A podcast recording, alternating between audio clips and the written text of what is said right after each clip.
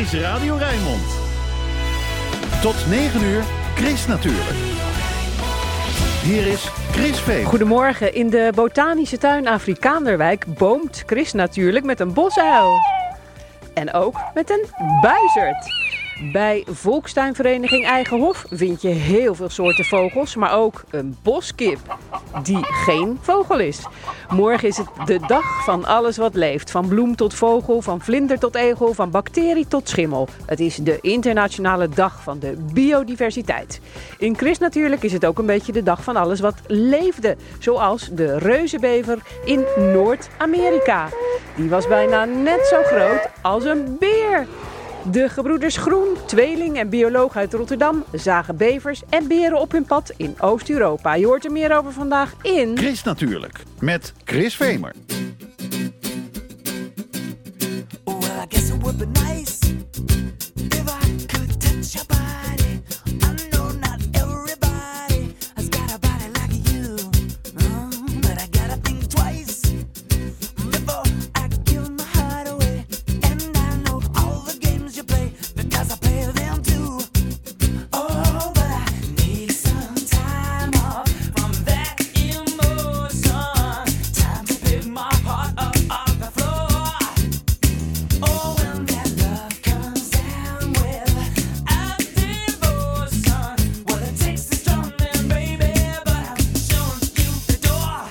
Gotta have faith.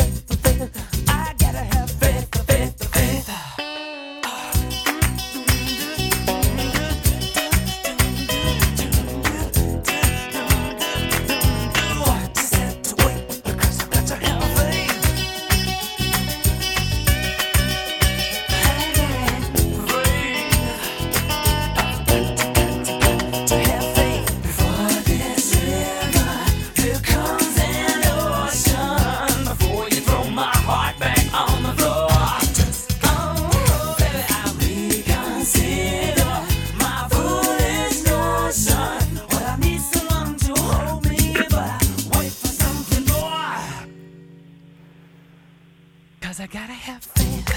Mm, I gotta have faith. Because I gotta have faith, faith, faith. I gotta have faith, faith, faith. George Michael, Faith. De natuurtip van Chris natuurlijk. De bever is het grootste knaagdier van Europa. In Nederland was deze Europese bever uitgestorven, maar in 1988 is het dier weer uitgezet in ons land. En sindsdien doet hij het heel goed. Ooit leefde hier ook de reuzenbever. Hoe deze reuzenbever en de uitgestorven reuzenbever uit Noord-Amerika eruit zagen, dat kun je vanaf volgende week zien in Geschiedenispark Historyland in Hellevoetsluis. En amateur paleontoloog Dick Mol die weet meer. Dick, goedemorgen. Goedemorgen, Chris. Hoe zag die reuzenbever er, eruit? Ja, je geeft het heel goed aan, hè. De bever die we nu nog kennen, die hier sinds 1988 weer succesvol is uitgezet. Eh, een knaagdier, het grootste knaagdier met een enorme platte staart, alsof er een stoombals over gereden is. Hij had een soortgenoot in het ijstijdvak en dat noemen we een reuzenbever. En dat is eigenlijk geen bever, maar een beverrat.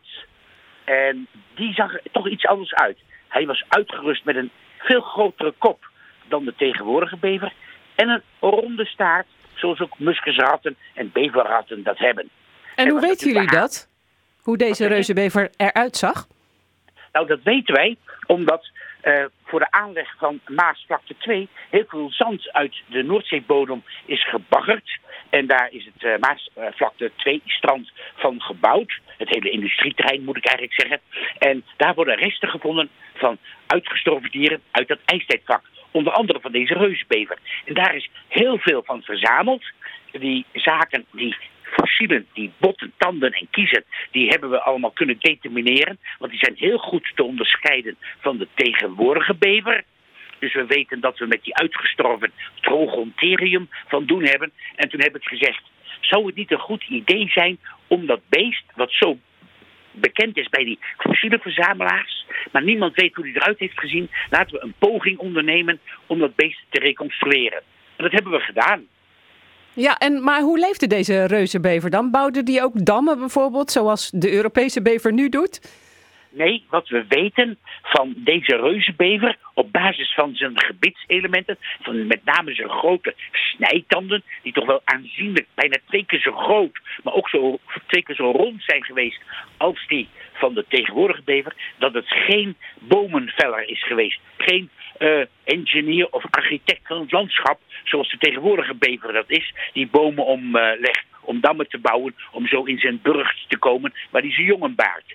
Nee, het is een uh, planteneter geweest, een semi-aquatisch dier. En het is uitgestorven, ongeveer 130.000 jaar geleden. Maar met uh, de medewerking van Remy Bakker, een paleo-artist, een paleo-kunstenaar, hebben we een heel mooi levensecht model gemaakt. Met een lengte van 1,15 meter en dan nog een mooie ronde staart van 40 centimeter daaraan. En dat is uh, aanstaande dinsdag is dat te zien in Historyland. Maar nu komt het. Als we het over de reuzenbever hebben, dan denkt iedereen meteen van, oh dat is een beest misschien wel zo groot als een mens. Nee, dat is die niet. Maar die zijn er wel geweest. Maar dan uitsluitend in Noord-Amerika. En we hebben ook aanstaande dinsdag een life-sized model van die echte reuzenbever uit Noord-Amerika. En die had een kop, die was ruim drie keer zo groot als die reuzenbever van uh, Nederland, om het maar zo te zeggen. Ja, dus uh, hij was zo groot als een beer misschien? Uh, ja, net hoe die gaat staan, maar als hij op zijn achterpoten zou gaan staan naast mij, ik ben 1,78 meter, dan is hij 1,78 meter hoog. En dan weegt hij ongeveer net zo zwaar als ik, want ik weeg ook ruim 100 kilo. nou, dat kan bijna niet uh, missen. Hè? Maar er is dus ook een model van te zien in Historyland en misschien ook nog wel van de Europese bever dan. Nee, die hebben we er niet bij. Hè. Historyland is een geschiedenispark, maar dan uh, met het zwaartepunt op het ijstijdvak uh, in het museumgebouw. En dat gaat over de pleistocene zoogdieren. En dan zijn de mammoeten die natuurlijk tot de verbeelding spreken. Maar ook reuzenluiaarden en uh, glyptodonten uit Noord-Amerika. En dan hebben we gezegd, van, nou, dan doen we die bevers erbij. En ja, het zou wel mooi zijn om nog een opgezette bever van uh, de bever die nu nog leeft uh, daarbij te hebben. Maar die hebben we nog niet. Misschien komt dat nog. Ja, nou, als ze luisteren van het Natuurhistorisch Museum Rotterdam, misschien mag je er wel een lenen dan. Ja, zeker. Dat, uh, dat zou een optie zijn, ja. Ja, maar dat onderzoekswerk dat jullie verrichten voor Historyland... Hè, dus bijvoorbeeld ook hoe jullie dan die, al die botjes op de Maasvlakte verzamelen van de reuzenbever... dat is niet onopgemerkt gebleven. Want volgende week komt er een hele belangrijke wetenschapper uit Amerika op bezoek bij het museum. Wat komt hij doen? Ja, dat is Dr. Greg McDonald. Hij is uh, specialist voor ijstijdzoogdieren voor Noord- Zuid-Amerika. En ik ben al meer dan 30 jaar met hem bevriend. En hij uh, komt naar Nederland voor een conferentie. En ik heb hem vorig jaar verteld dat wij in Historyland een heel mooi uh, levensecht model hebben van een reuzenluiaard. Laat dat nou net zijn specialisme zijn. Die reuzen grondluiaarden. Die zijn bijna zo groot als een olifant. En uh, toen vroeg hij, kun je wat plaatjes opsturen? En toen heb ik hem uh, wat foto's gestuurd. En toen schreef hij terug, ah, dit is het beste model van dit beest wat ik ooit gezien heb. Dat moet ik zien. En nu is hij in Nederland en nu ga ik aanstaande dinsdag met hem naar uh. En dan gaat hij dat bekijken. En ook meteen even een blik werpen op die andere Noord-Amerikaanse ijstijdzoogdieren die zij wel hebben en die wij niet hebben. Alleen wij hebben ze dan in uh, de vorm van fossielen en wat modellen. Ja, en, en dat, dat inderdaad, dat, dat model van die uh, reuzenbever uit Amerika. Ja, zeker weten. Dus uh, die, die, ik weet zeker dat die uh, al staat te popelen om naar binnen te kunnen gaan. nou, uh, jij misschien ook wel, hè? Dus dat model ja. van de reuzenbever gebaseerd op vondsten van de Maasvlakte... en een model van de uitgestorven reuzenbever uit Amerika... die zijn vanaf volgende week te zien in Historyland in Hellevoetsluis. Dick Mol, hartelijk dank voor je verhaal.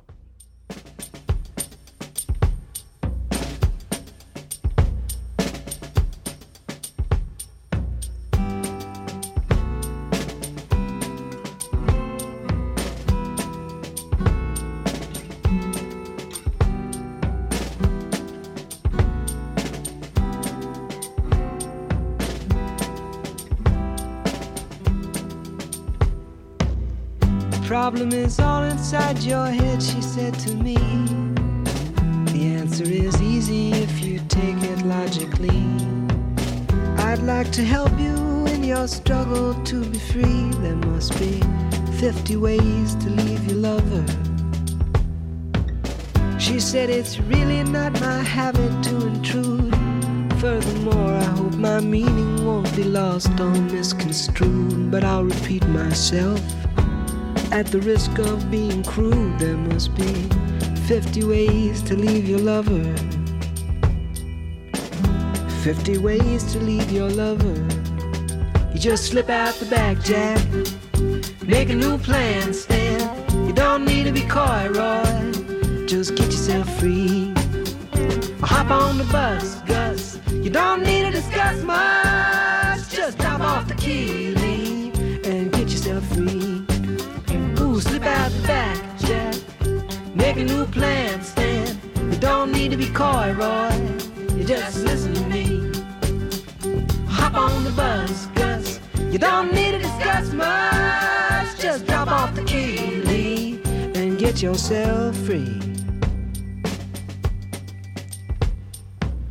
She said it grieves me so to see you in such pain. I wish there was something I could do to make you smile again. I said I appreciate that. And would you please explain about the 50 ways? She said, Why don't we both just sleep on it tonight? And I believe in the morning you begin to see the light. And then she kissed me, and I realized she probably was right. There must be 50 ways to leave your lover. 50 ways to leave your lover. You just slip out the back, Jack. Make a new plan, Stan. You don't need to be coy, Roy. Just get yourself free. Or you hop on the bus, Gus. You don't need to discuss much. Just drop off the key, leave, and get yourself free. Slip out the back, Jack. Make a new plan, Stan. You don't need to be coy, Roy. Just listen to me. Hop on the bus, Gus. You don't need to discuss much. Just drop off the key, leave, and get yourself free.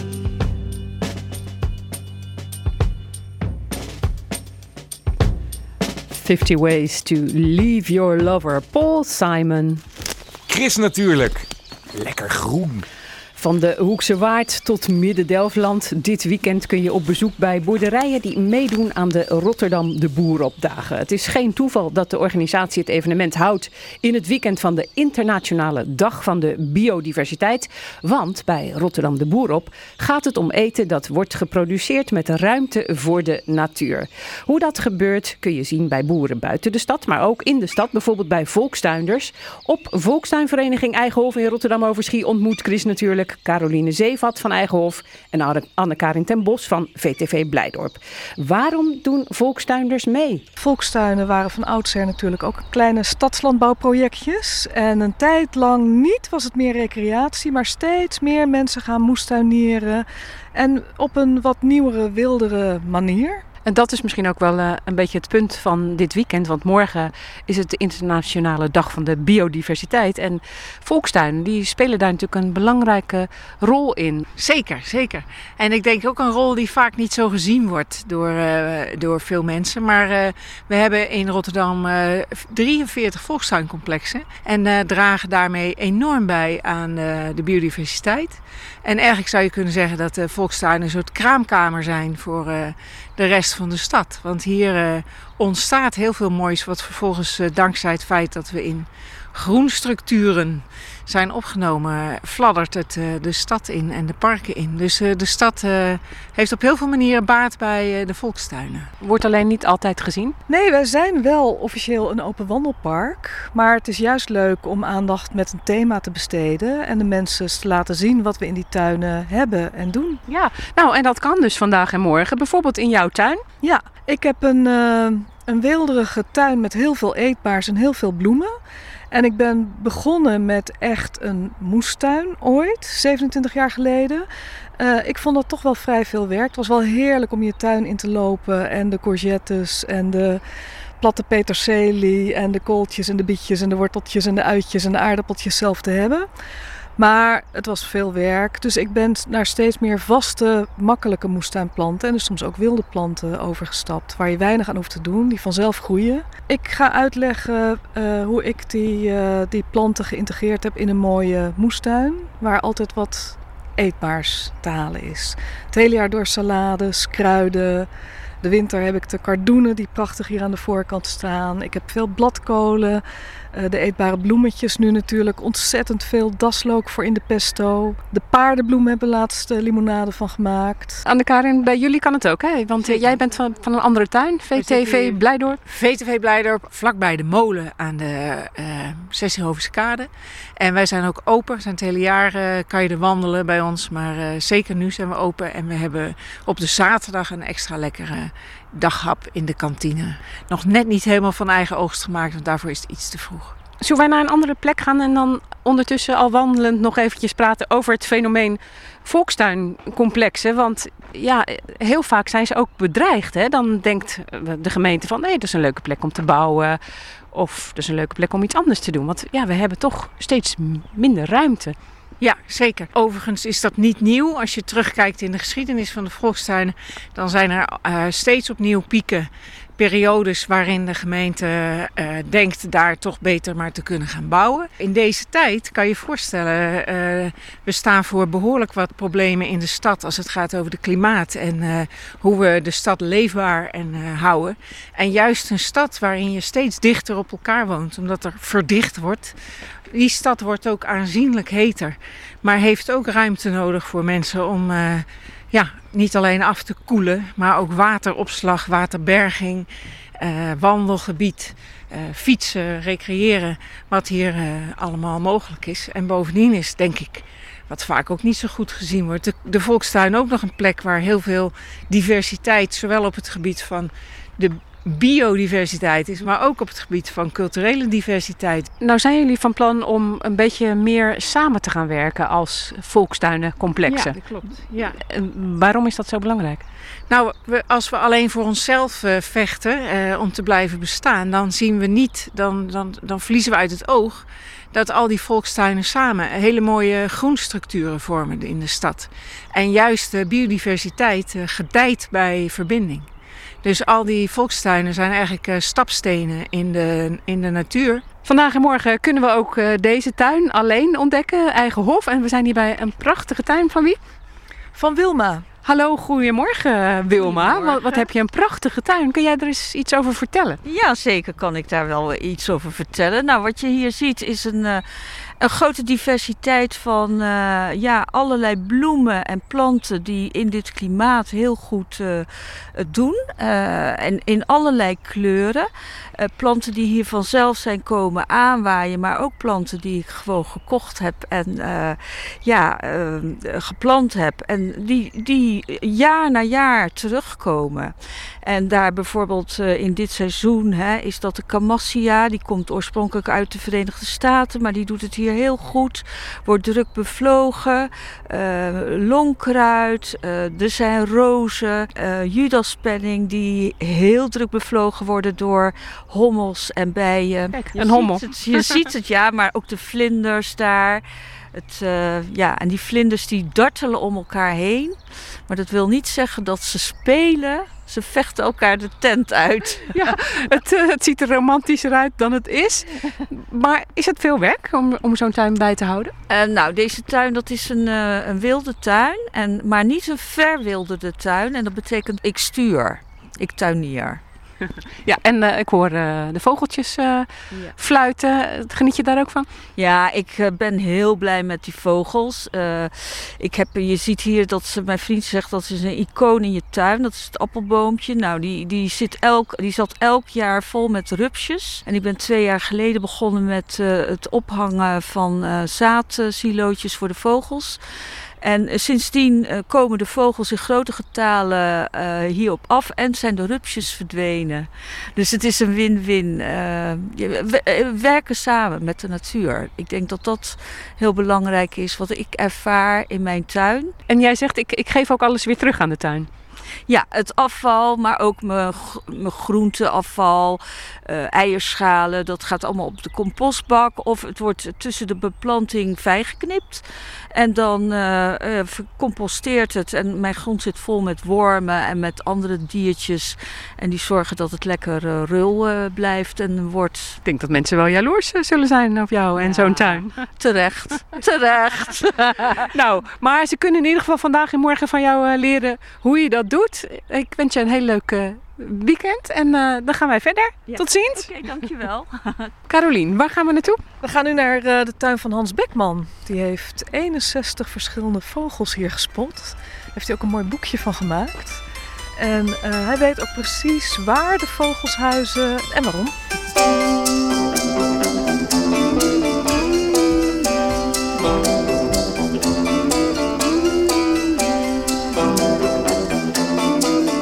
Hallo, goedemorgen. Goedemorgen. Hans Bekman. En eh, die weet alles van biodiversiteit hier eh, op het complex. Eh, nou, alles niet, maar wel redelijk wat. Ik heb de afgelopen tien jaar, zeg maar, fotografeer ik wat ik zie. Gewoon hier aan beesten, vogels, insecten. En nou, dit jaar heb ik besloten om eens de boel... zeg maar te verzamelen in een klein albumpje wat ik gemaakt heb. Nou, hier heb ik ze allemaal een beetje zo gefotografeerd. En de bloesem. Dus is- ja, de bloesem, ja. Alles, alles. Eh, de soorten vlinders. Mol, egel, vlinders. Egels, vlinders, negen soorten, 10 soorten en eh, ja, 61 soorten vogels heb ik hier nu inmiddels gezien. De ijsvogel natuurlijk en de, en de roodborst, die vind ik heel leuk. En de bosuil en eh, de putter, dit is de groene specht overigens. En de buizerd, die moet ook in de lucht kijken natuurlijk. Dit laat wel zien, zo'n boekje met, met al die planten en dieren. Ja, dat het best belangrijk is, eh, zo'n volkstuincomplex. Eh, Heel belangrijk, ja. Ik vind een, een heel mooi natuurgebied hier in Rotterdam, dat is Klein Profijt, dus eigenlijk Roon. Dat vind ik fantastisch, eh, helemaal geweldig. Maar ik zie daardoor, dus ik heb daar drie soorten vogels gezien. Een roodbosje, een pimpelmees en een staartmeesje. Meer niet eigenlijk, eh, en ik kom daar regelmatig. En hier verbaast me dan dat ik gewoon waanzinnig veel zie. Ja. In zo'n klein gebiedje hier. Ja, nou ja, goed. We kunnen ook eh, even het gebied verkennen waar ik nog meer vogels zie hier. Zo, we gaan helemaal door het eh, begroeide stukje. Door- we gaan door het wilde, wilde pad, zeg maar, hier. Ja. En we hebben een vast plekje waar ik altijd de ijsvogel zie. Hier zag ik eh, twee jaar geleden een, eh, een jonge eh, bosuilen, zeg maar. Twee, twee stuks. En dan Ook de camera erbij. Cameraatje erbij. Simpel cameraatje, geen grote toeter, zeg maar. Gewoon handmaat met 30 zoom, 30 mm zoom. En ja, dat is gewoon heel verrassend. Die verwacht je niet hier eigenlijk. En de ijsvogel, die zou je ook hier kunnen Ja, vinden. Die, die is een stukje verder. Doe je dit pad ook wel eens, Carolien? Nee, dit heb ik nog nooit gelopen. Gek hè? Nou, Dit is dus de ideale stek voor een eh, ijsvogel. Dus die takken hangen boven het water. Dan kunnen ze, dan kunnen ze goed de vissen zien en op jagen. En hier heb ik ze dus een paar keer heel goed kunnen filmen, zeg maar. Ik wil je nog even iets, eh, een, eh, iets laten zien met de naam van de vogel. Wat er altijd is. Zie je, het, je ziet niks, maar hier, een stapje verder, dan zie je dan de boskip. de boskip. De boskip, ja. Dat zijn die paddenstoelen. Het is een zwam, ja. Dat is een parasiete eh, zwam, zeg maar, die eh, eigenlijk de boom doodmaakt. Maar het is eetbaar, het smaakt naar kip. Oh, Vandaar dat het zo genoemd wordt. wel eens gegeten? Ik heb hem wel eens gegeten, ja. Maar van een paddenstoelenman op de Rotterdamse Oogstmarkt. Ja, Nou, hier laten jullie hem gewoon zitten. ja want dit willen we iedereen natuurlijk ook laten zien. Dat we hier boskippen hebben. Allemaal komen dus vandaag of morgen. Ja, zeker wel. Zeker wel. Ook als het miezert, moet je Ja, hier gewoon regent. komen lopen en wandelen. En niet alleen morgen en vandaag, maar gewoon wees welkom op de volkstuinen. Absoluut. Het is superleuk hier. Nou, op volkstuinen, bij boeren en op andere plekken kun je naar de Rotterdam de Boerenopdagen dit weekend. Op chrisnatuurlijk.nl vind je een linkje met informatie over de deelnemers en wat er allemaal te doen is. Chris Natuurlijk. De weekendbijlage. Wat staat er in de kranten over groen, natuur en milieu? Je hoort het in het overzicht. Ik lees het samen vandaag met Cornel van der Heijden. Goedemorgen, Cornel, Chris. Goedemorgen. Goedemorgen. Maakt zijn debuut in Chris natuurlijk. En je leest het eerste bericht. Ja, welke rechten heeft een olifant in de dierentuin eigenlijk? Dat vraagt het AD zich af in een verhaal over olifant Happy. Volgens dierenactivisten is Happy namelijk helemaal niet zo happy, maar doodongelukkig. De Aziatische olifant leeft al jaren afgezonderd in de dierentuin. In de hoogste rechtbank van de staat New York proberen advocaten de ongelukkige dikhuid nu vrij te krijgen.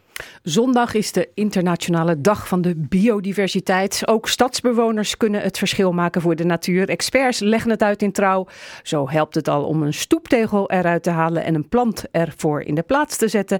Maar dan moet je wel een plant zoeken uit eh, de omgeving eh, die, die, die daarbij past. Je hebt trouwens nu de NK tegelwippen, wist je dat? in Ja, dat wist ik. Ja. Oh, dat is nu. Dat is nee. nu- dat is- Ja, daar zijn ze de- altijd mee bezig. Ja, dus eh, zoveel mogelijk tegels eruit en moest- zoveel mogelijk planten erin. Ja, moest ik aan denken toen je dit zei. In de Volkskrant lees je hoe een windmolenpark in Noorwegen de jaarlijkse trek van rendieren verstoort. Het is morgen open dag bij vogelklas Karel Schot aan het Afrikaanderplein in Rotterdam-Zuid. Van 12 tot 4 kan iedereen zien hoe het gaat bij het opvangcentrum waar op dit moment vooral veel jonge vogels worden opgevangen. Bezoekers kunnen de vogels van dichtbij bekijken of een rondleiding doen. Zonnepanelen op alle daken, dat klinkt duurzamer dan het is. Want de zonnepanelen zijn moeilijk te recyclen en bevatten schadelijke stoffen. Wetenschappers bedenken alternatieven, maar de industrie komt maar moeilijk mee. Je leest erover in de Volkskrant. Cornel van der Heijden was dat met het groene nieuws uit de weekendkranten en daarbuiten. Dankjewel Cornel. Gaan we door met het weerbericht. Dat komt van Ed Al. Dus Ed, goedemorgen. Dag Chris, een hele goede morgen. Hallo, zeg nou, eh, best wel eh, lekker het weekend. Ik had gedacht dat het slechter zou zijn, maar dit is prima Oh, toch? nee, hoor. Ik kan Nee, ermee er leven. is- Er is ook helemaal geen slecht weer aangekondigd voor het weekend, Chris. Dus het weekend zag er al de hele tijd goed uit. Dat blijft ook goed. Ja, Dus het kwam wat dat gewoon door die regen van gisteren. Ja, dat ik dacht, dat hmm, Nee, klopt. Want dan is, denk je van, nou ja, het zal misschien wel niet meer goed komen, weet je wel. Nee, maar de eerste regen die staat pas op programma voor maandag. Dus eh, voorlopig eh, kunnen we genieten buiten. Dat komt omdat zich een hoge drukgebied opbouwt, Chris, boven onze omgeving. In de loop van deze dag al. Dus ja, het ziet er gewoon goed uit. De meeste zonneuren zijn voor morgen. Maar ook vandaag, ja, de dag is zondag begonnen. Maar er gaan ook vrij snel stapelwolken ontstaan. Vanuit het zuidwesten trekken ook nog wel een paar wolkenvelkjes over de regio. Maar het blijft lekker droog vandaag. Dus ja, als je het dan sec bepaalt, zeg je van nou, geregeld de zon erbij. De meeste zon aan zee. Het wordt een graad of 16 aan zee, 19 graden in het oosten van het Rijnmondgebied. En de wind waait wel matig, windkracht 4. Aan zee vrij krachtig, windkracht 5 uit het westen. Maar later vanmiddag en vooral vanavond neemt de wind sterk in kracht af. Nou, dat betekent voor vannacht dat het heel rustig weer zal zijn, amper wind. Er kunnen eh, ja, wel een paar mistbanken gaan ontstaan. En de temperatuur die komt uit op een graad of 10, 11 aan zee, 6 graden in het oosten van het Rijnmondgebied. Ja, en morgen zorgt het hoge drukgebied voor schitterend weer met eh, volop zonneschijn. Het blijft morgen overal droog in de regio. De temperatuur nou, die loopt flink op. Het wordt morgen 23 graden. Omdat er maar weinig wind staat morgen uit het zuiden, zal het knap warm aanvoelen morgenmiddag. Aan zee waait de wind morgenmiddag uit het noordwesten, een windkracht 3. En dat betekent voor daar ook een wat lagere temperatuur, een graad of 19. Maar dan moet je wel echt op het strand staan. Ja, nou, ik verheug me er al op hoor, Ed. En eh, volgende week, dus zei je, maandag eh, gaat het regenen. Ja, maandag gaan er buien vallen. Dan trekt er een laag drukgebied ja, in de buurt van ons land of over ons land naar het noordoosten. Gaan de buien vallen, misschien wel weer tot zo'n 10 mm aan regen. Temperatuur een maandag zo'n 20, 21 graden. Op dinsdag een wisselende bewolking met nog steeds een paar buien, maar aan zee is het droger. En dan woensdag en donderdag zijn droge dagen of vrijwel droge dagen. In Dus we zitten wel, eh, als we, als we gaan, buiten gaan kijken naar de wedstrijd, hoef ik niet Ja. veel meer over te zeggen, dan, eh, dan hebben we het droog. Nou ja, het lijkt er nu naar uit te zien dat het vrijwel droog blijft. Dus ja, dat is natuurlijk een aldetje wat de weerman snel kan inbouwen. Maar ja, dan is het pas, ja, woensdag is toch nog een beetje ver weg. Maar het ziet er niet verkeerd uit. Het wordt dan 's smiddags een graad of 17. Eh, in de avond is het dan wel wat frisser met een temperatuur van een graad of 13. Ja, en jij, ik weet niet of je er al wat over mag zeggen, maar jij zit met je hoofd helemaal niet bij die finale volgens mij. Hè? Jij gaat volgende week iets heel leuks niet. doen. Ja, ik ga zeker wat leuks doen. Nou ja, ik kan er wel iets over zeggen. Ik ga in ieder geval, ik heb zelf kaarten gekocht voor de eh, voorstelling van Alba in Londen. Ik ga donderdag naar Londen. En volgende week zaterdag ga ik eh, naar die voorstelling toe. Maar ik ga al eerder. En wat ik daar dan precies ga doen. eh, ja, Dat horen we volgende week, cliffhanger. zeggen. Volgende week donderdag of eh, vrijdag kom ik daarop terug in de uitzending bij Ronald van der Geer in de ochtend. Hartstikke leuk. hè? Ja. Maar hou je ook van S10? Eh, nou ja, ja, zeker wel. Draait ze maar. Ja, daar komt ze. Luisteren allemaal naar Chris. Kom Veel daar plezier, Ed. toch. Chris, natuurlijk.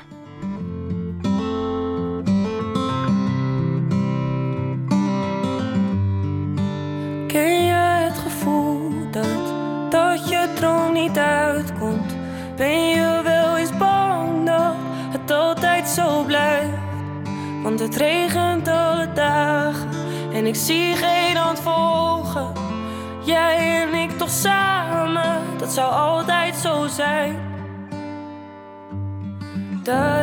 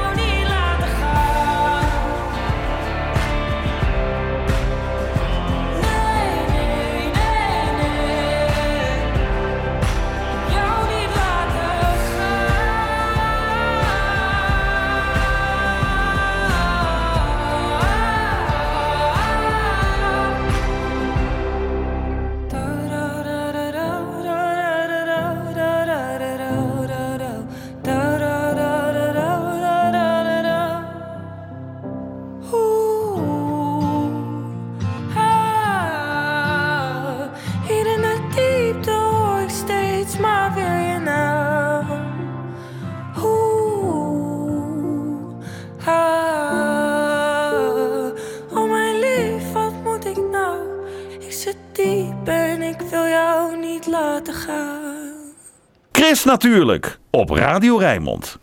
Het is morgen de Internationale Dag van de Biodiversiteit. Dat wordt dit weekend op allerlei plekken gevierd. Bijvoorbeeld in de Botanische Tuin Afrikaanderwijk in Rotterdam.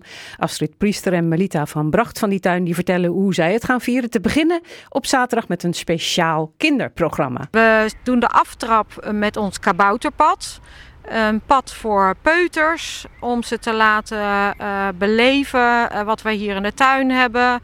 Wat eh, leuke opdrachtjes. We hebben een heel leuk boek speciaal over dat wilde bijen moeten worden beschermd. Dat lezen we voor. Voor grotere kinderen gaan we op zoek in de wijk naar stoepplanten.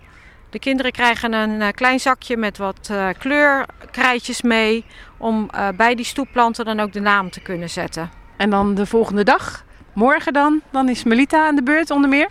Dat is voor de alleroudste grote kinderen, zullen we maar zeggen. En eh, daar ga ik mee op pad. En dan gaan we hier onze bomen aan, aan laten zien. En dan eh, door die bomen te laten zien, dan zie je al hoe, eh, nou ja, hoe, hoe de di- diversiteit ervan is. En dat willen we natuurlijk graag, die biodiversiteit laten zien. En eh, als je hier door de tuin heen loopt, dan zie je gelijk al, eh, hè, we staan er nu. Je ziet allerlei dansvliegen, je ziet zweefwespen, je ziet bijtjes, nou ja, gewone wespen, noem het maar op. En eh, die zitten natuurlijk eh, bij die bomen ook in de buurt. Vlinders hebben we ook al gezien. Morgen ga jij dan die eh, bomenwandeling houden. En dan heb je ook nog eh, assistentie van iemand, ja, die, die doet niet de bomenwandeling. Die eh, doet wat anders. Dat is een boomkunstenaar. Wat is dat precies, een boomkunstenaar, James? Ehm, ja, ik ben gevraagd om sculpturen te maken van een boom die hier eh, gekapt was, omdat die eh, scheef kwam te staan. En wij gaan daar de motief van biodiversiteit inwerken. Beesten die je vindt hier in het park. Andere beesten die je meer misschien in het bos vindt, zoals een uil. En Nou, ook, volgens mij heb je hier wel eens een uil, toch? Of niet, Melita? Ik, nee, we hadden laatst hadden we een buizerd. Dat was juist zo vreemd. Dat, die had we echt nog nooit gezien. En die zat hier zo, eh, die zat daar in die boom. In die amberboom die, eh, die bijna op de moskee viel, ja. Ja, wel zonde. hè? Het is, was dus een amberboom. Ja, maar helaas was hij niet meer te redden. Want hij, nou ja, hij was al heel erg scheef gaan staan. En toen eh, heeft de gemeente nog van alles en nog wat geprobeerd om hem, eh, zeg maar, het gewicht eruit te halen. Dus grote takken hebben ze eraf gehaald. Ja, toen kwamen de volgende stormen en toen ging hij alsnog weer een beetje scheven. Dus toen hebben we gezegd van nou, denken niet dat het goed is. En vervolgens is de bomenman van, eh, van de gemeente Rotterdam gekomen. En die heeft zijn, eh, zijn kundige blik erop laten vallen. En die zei, ik denk dat jullie wel gelijk hebben, dat is gevaarlijk. Dus we kunnen beter die boom kappen. Zelf vind ik dat toch wel jammer als zoiets gebeurt. Luister, ook voor bomen, er is een tijd van komen en er is een tijd van gaan. En die tijd van gaan voor hem is nu gekomen. Ja? Hoe oud is die bo- boom eh, geworden dan? Die was ongeveer een jaar of tachtig. Ja, dat weten we niet zeker, hè? Want we gaan ook, eh, de bomenman heeft ook gezegd dat het ook best zou kunnen dat die bomen 100 jaar oud zijn. Dus ik hoop dat James ons daar ook mee kan helpen om eh, die jaringen te gaan, teken, gaan eh, tellen. Ja, wat zou jij dat eh, zo zien aan een boom die eh, omgehakt is? Hoe oud een boom is? Meestal is het wel te zien, ja. Ja. Ik, als je een goede plak zaagt, dan kan je het meestal goed zien. Ja. Misschien is een buizerd ook een leuk idee voor een sculptuur trouwens. Oké, nou waar gaan we naartoe? Zullen we eens naar de kastanje lopen? Ja. Nou, hier staan, eh, hier staan we bij de paardenkastanje. En eh, dat is een boom die is in Rotterdam, eh, nou, eigenlijk in heel Nederland, is ongeveer 75% van die bomen die is voetzie. Door de kastanjebloedingsziekte. En eh, wij zijn heel trots dat hier nog zo, eh, zo mooi staat. Want we hadden natuurlijk in het verleden deden we, dat, doet elke gemeente, weet je hele lanen met dezelfde bomen. Maar dat blijkt toch niet zo handig te zijn, want als er een ziekte in komt, dan ben je gelijk al die bomen kwijt. Dus gelukkig staat deze een beetje geïsoleerd van de rest. En hebben wij hier nog, ik denk dat deze, ik, ik zeg 80, maar zij zegt 100. Nou ja, ergens in het midden zal die 90 jaar oud zijn. Dat is natuurlijk een prachtige mooie boom om te zien. En voel is, want het is eh, een warme dag en eh, het is hier al eh, lekker donker onder. En dan voel je al gelijk de temperatuur zakken. Echte airco. Ja. En eh, ja, jij zegt het gaat over de biodiversiteit. Dus dat is dan ook zo. eh, plant allerlei soorten bomen. Is veel biodiverser. Beter voor de natuur. Ja, de afwisseling, zodra als er dan wat gebeurt, dat je ook niet alles in één keer kwijt bent. Want dat is eeuwig zonde. Wat heb jij eigenlijk met bomen, James? Ja, ik werk in de boomverzorging en eh, eh, ik heb ook vroeger in Engeland gewerkt in bosbouw. Maar ik ben er helemaal mee eens. De, de stelling van eh, monoculture is zwak. En bij climate change heb je gewoon, hoe meer divers de bos is, hoe sterker de bos is als één geheel. Dus er kan wel één boom ziek zijn, maar niet allemaal tegelijk. En daarom maak je de bos daarmee sterker. Maar heb jij een favoriete boom? Een soort? De eik, English ook. De Engelse eik. Dat is de zomereik eindelijk. Hebben we die ook hier? Ja, die hebben, die hebben we ook staan. Die staat... eh, oh, hier. Ja, we moeten omhoog kijken. We moeten, om- we moeten omhoog kijken inderdaad. En vorig jaar was eh, hier ineens dikke paniek. Want eh, toen hadden ook wij hadden dan eh, last van die eikenprocessierups. Alleen als je één boom hebt staan, dan is het ook niet zo'n gigantische hoeveelheid. En eh, nou ja, het is tot nu toe de enige keer gebleven ook. En, en ik zie nog niks. Ja, het is voor de boom niet echt schadelijk. Ze eten alleen de blad. Het is meer voor de mensen en de honden en zo. En de bomenklimmers. Die ze... Dat ben jij ook een beetje, toch? ja, ja, ja, dat is en ik zie jou zo, jij staat echt met die boom met twee handen er tegenaan te slaan alsof het je maat is. Ja, alle bomen zijn mijn maat. Ja. Ik vind het wel prima, ja.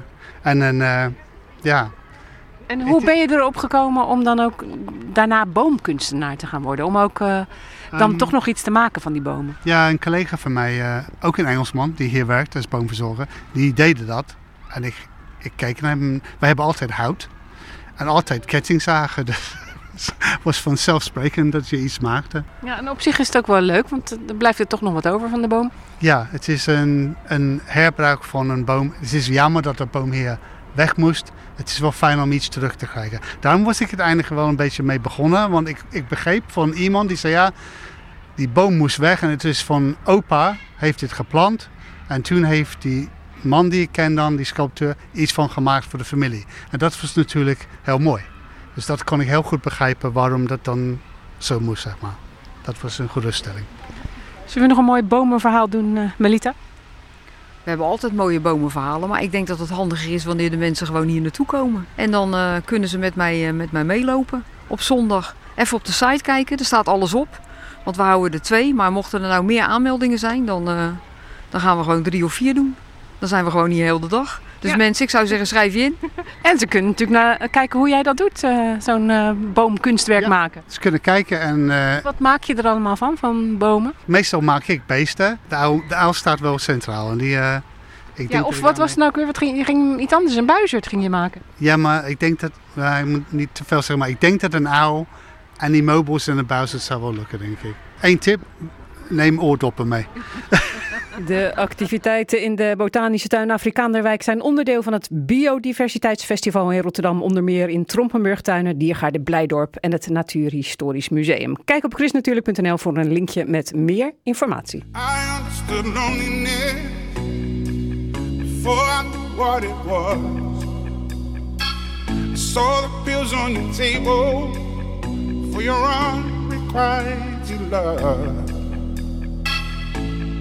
I would be nothing without you holding me up. Now I'm strong enough for both of us, both of us, both of us, both of us. I am a giant. Stand up on my shoulders. Tell me what you see. 'Cause I am a giant. We'll be breaking boulders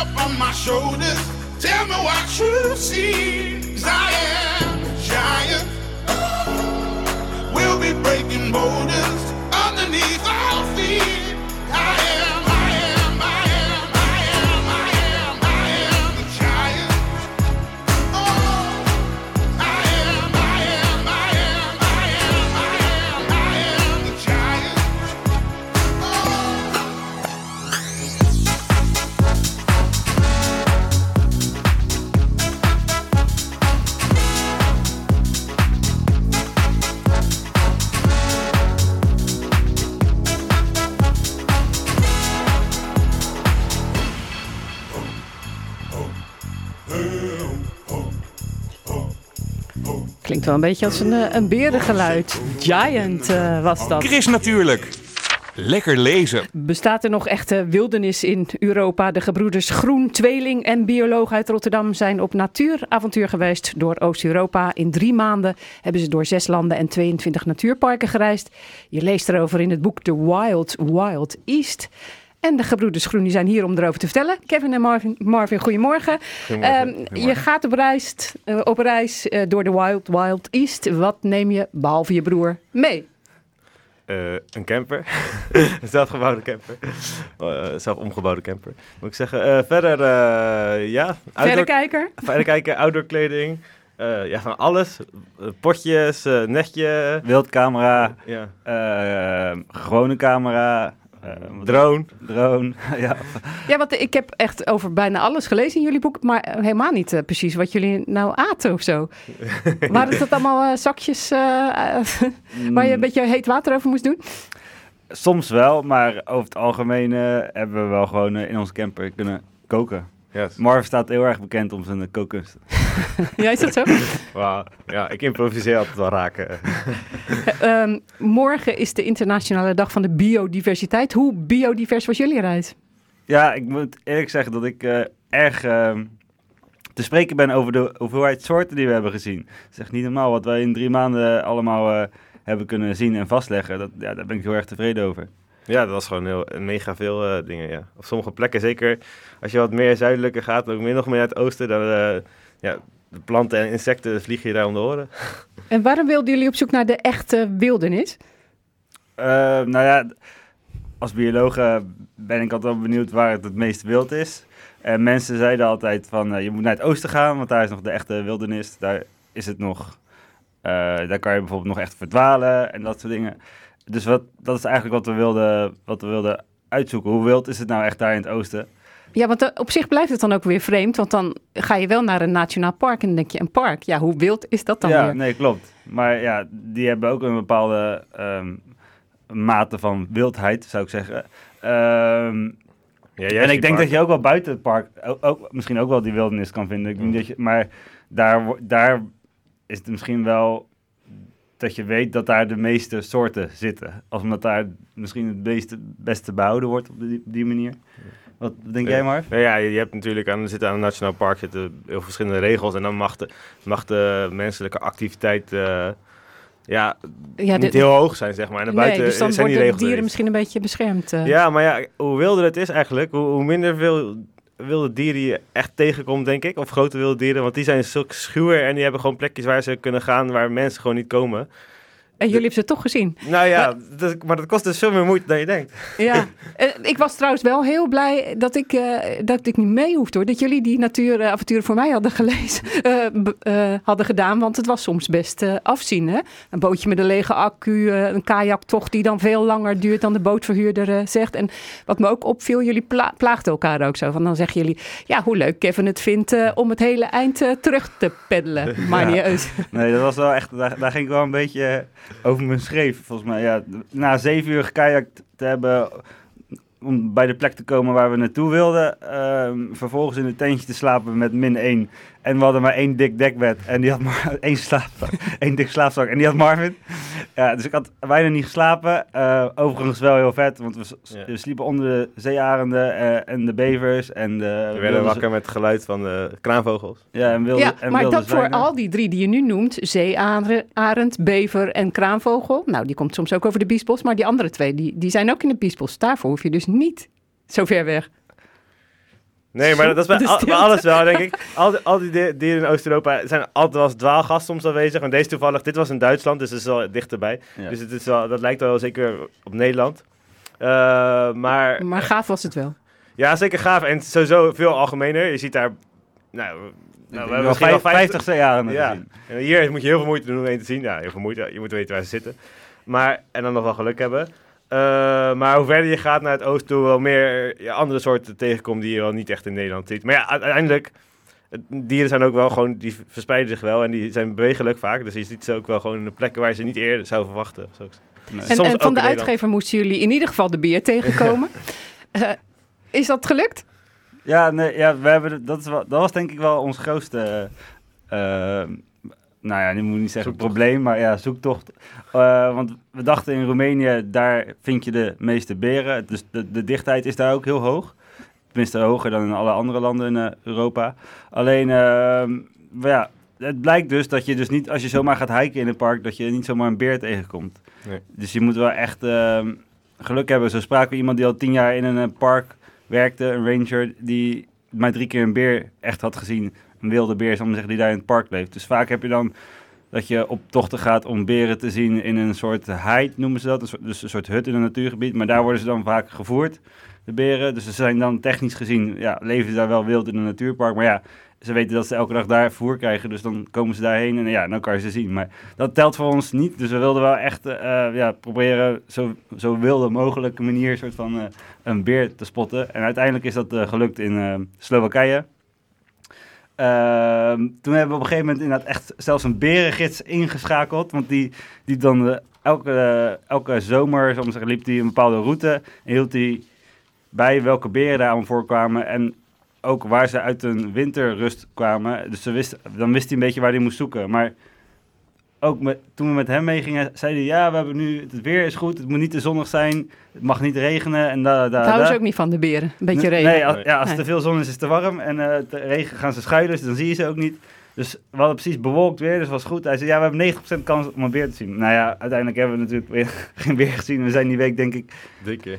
eh, echt super vroeg opgestaan eh, de hele week. Om eh, ja, vier uur s'nachts om die beer te zien. Maar uiteindelijk is het niet gelukt. Maar uiteindelijk hebben we toen als laatste tip meegekregen van ja, als ik, als, we, als ik naar deze ontmoetingsplek toe rijd, dus de berengids vertelde dat, dan zie ik altijd dat er een vuilnisbak eh, om, omgegooid is. Eh, en toen gingen we daar kijken, toen zagen we heel veel berensporen en berenpoep.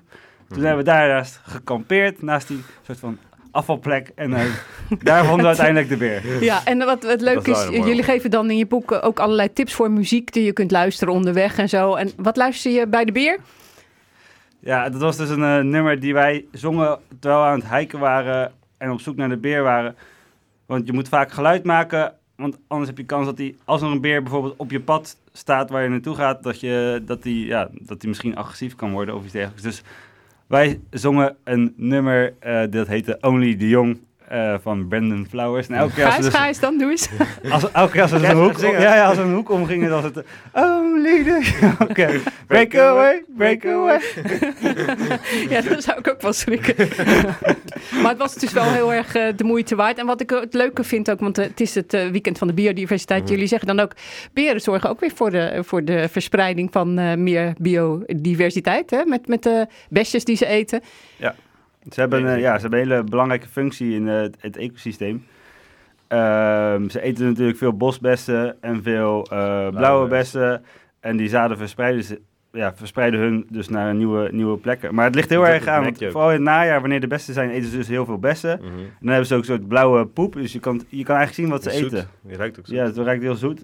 En meer in het voorjaar eten ze dan meer gras. En dus dan ruikt het ook weer meer naar ehm, weer gewoon... eh, Gras. naar gemaaid gras.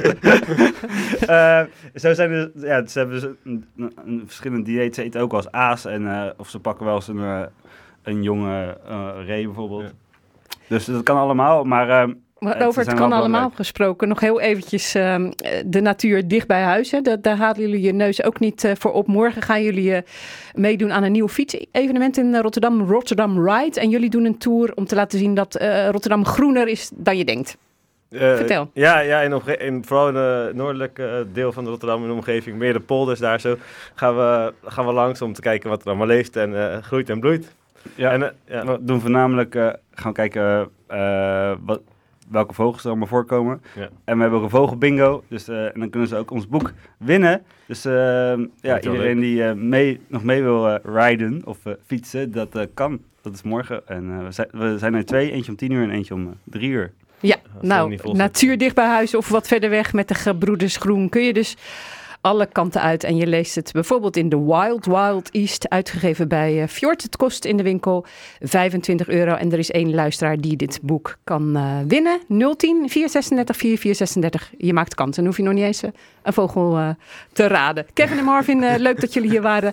Eh, tot een volgend avontuur. Dit was Chris natuurlijk, een programma van Chris Vemer, Cornel van der Heijden, Bianca Put, Roeland Kuppers. Die werkte mee. Volgende week dak op met Chris natuurlijk. Straks op Radio Rijnmond drie uur lang de Rijnmond Blues. Fijn weekend allemaal. Chris natuurlijk. Kijk ook op chrisnatuurlijk.nl